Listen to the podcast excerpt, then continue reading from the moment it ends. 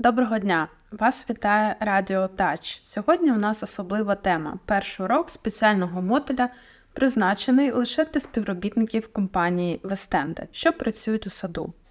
Тож сьогодні ви дізнаєтеся кілька базових слів та виразів, які будуть корисні незалежно від сезону та виду робіт.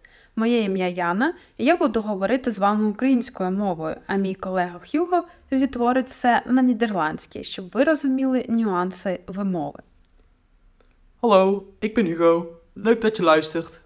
Привіт, Хьюго! Рада тебе бачити. Дякую за допомогу. Давайте почнемо зі словосполучення фруктовий сад. Boomgaard. Boom. Gaard. Boomgaard. А як називається дерево? Boom. Boom. А гілки? Takken. Takken. Takken. А як сказати груша? Peer. Peer. А рядок? Rij. Rij.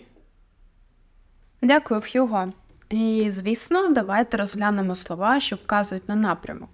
Це може стати корисним, коли співробітники компанії вказують вам на роботу у верхніх або нижніх частинах дерев. Як сказати вгору Omhoog. Omhoog. Omhoog. вниз, Beneden. Beneden. Beneden. гарно. А тепер розглянемо слова, які стосуються робочого одягу. Як правильно назвати рукавички?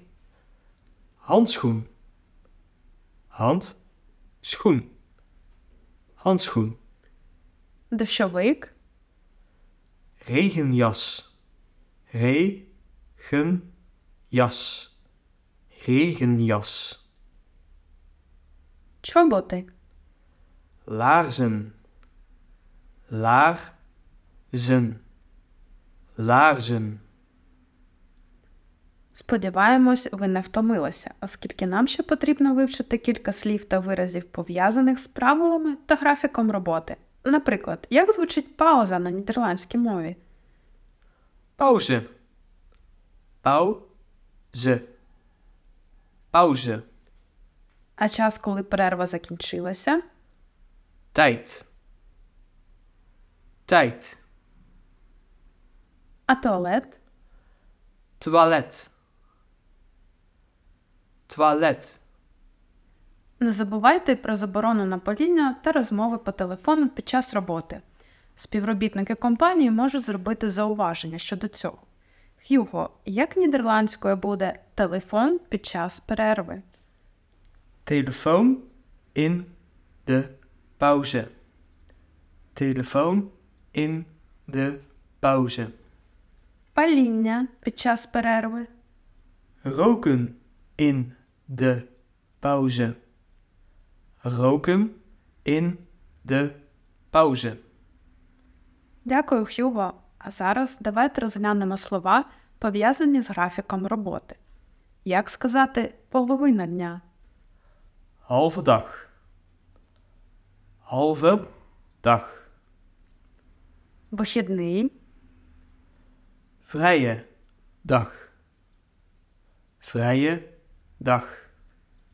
чи можу я взяти вихідний? Mag ik één dag vrij? Mag ik één dag vrij? Я хворію, Ik ben ziek. Ik ben ziek. і завершимо нашу сьогоднішню розмову словами про допомогу. Як сказати допомога? Hulp. Hulp. Мені потрібна допомога.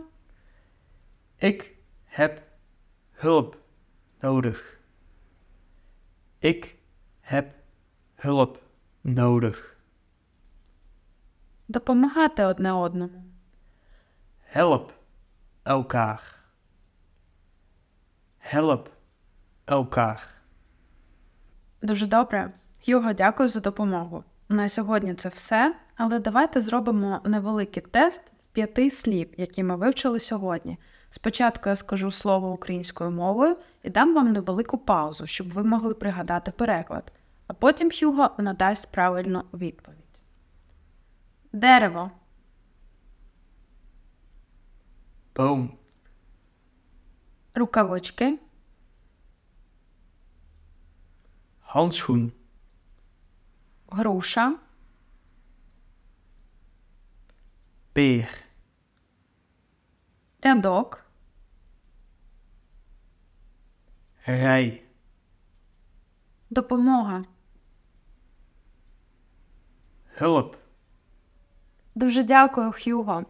Нарешті наш урок закінчився. І як домашнє завдання, просто подумайте, як попросити вихідний і сказати, що вам потрібна допомога та рукавички, наприклад.